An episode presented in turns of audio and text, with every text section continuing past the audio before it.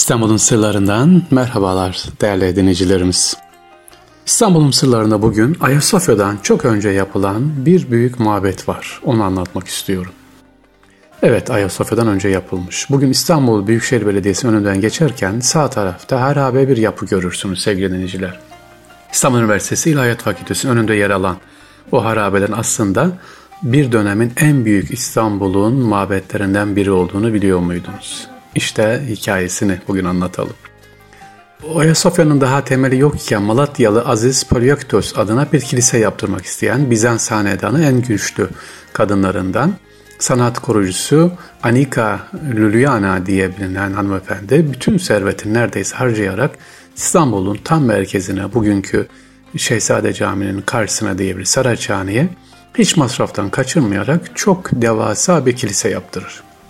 Bu çok iddialı kilisenin mimarisinde tavus kuşu motifleri, cam ve taş kakmalı sütunlar, yaldızlı mozaikler ve İran o dönem Sasani etkisindeki bezemeler çok dikkat çekiyordu. İnşaat ve dekorasyon için Anadolu'dan, İtalya'dan ve hatta Tunus'tan malzemeler getirilmişti. Görkemli mimarisinin yanında Aziz Polioktos Kilisesi aynı zamanda İstanbul'un Bizans çağındaki tören yalı üzerinde bulunan imparatorluğun taşıdığı ve mumun değiştirildiği özel bir durak olma vasfı da var. Onun için burada şu anki yeri. İşte bu görkemli binanın açılış sırasında kiliseyi yaptıran Rum asillerinden e, Anika ellerini havaya kaldırıp şöyle diyor. Kudüs'teki Süleyman Mabed'in kasterek seni de geçtim ey Süleyman diyor. Neden böyle demiş derseniz e, çünkü o dönemin en büyük Kudüs'teki mimari yapısı dünya üzerindeki Süleyman Mabedi de onun için burası Süleyman Mabedi'nden daha büyüktü sevgili dinleyiciler. Seni de geçtim ey Süleyman diyor bu Ayasof, e, Aziz Polioktos Kilisesi'ni yaptıran hanımefendi.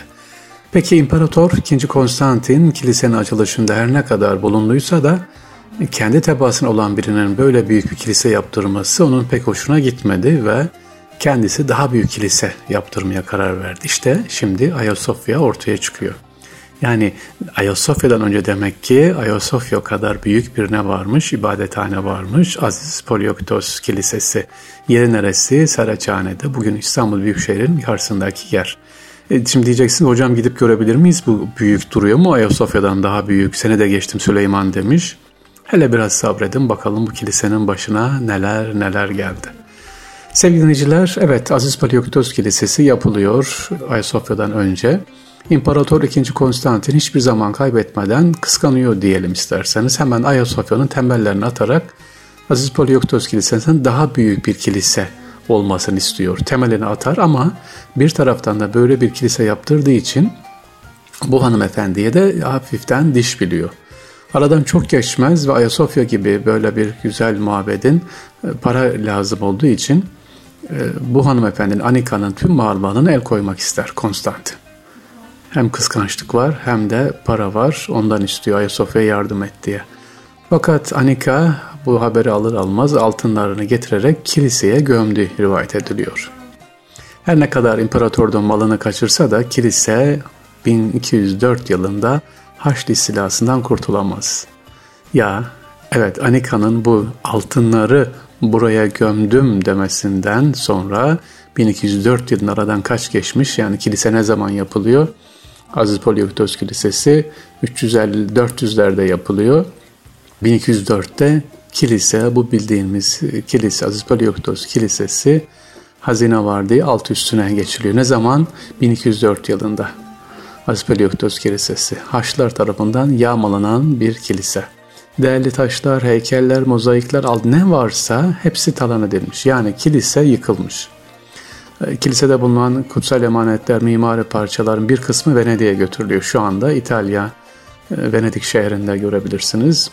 Büyük bir birçok parça çeşitli yerlere dağıtılmış. Hatta Barcelona'ya e, gitmiş, İspanya'ya, Viyana'ya gitmiş, efendim Avusturya'nın başkenti. İstanbul'dan giden sütunlar ve kaplama mermerler bugün Venedik'te San Marco Kilisesi'nin dış cephesinde görülebilir. İstanbul'un fethi sırasında Fatih Sultan Mehmet Han şehre girdiğinde buraya da uğruyor. Bu dev boyutlu kubbeli kiliseden sadece altyapısına ait duvarların ve mekanların, alt mekanların kaldığını görüyor.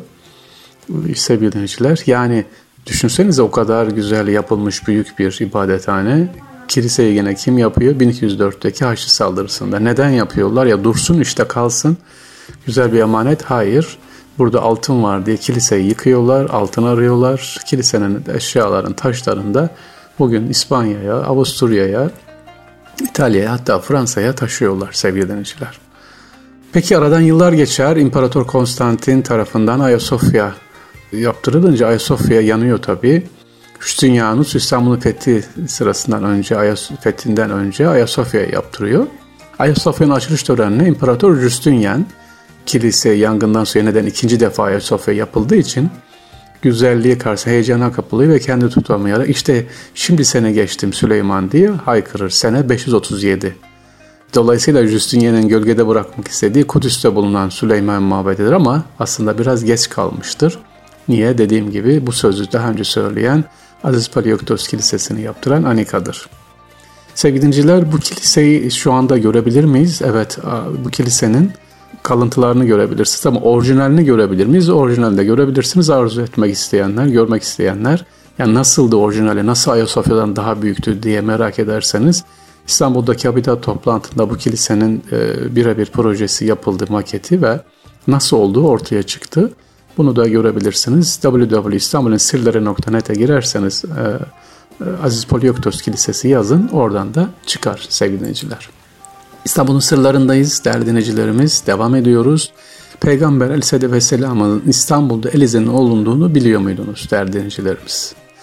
Yanlış duymadınız tekrar ediyorum. Peygamber Aleyhisselatü Vesselam'ın ayak izleri İstanbul'da var, sakalı şerifi var ama daha birçok özel eşya var, kutsal emanetler var.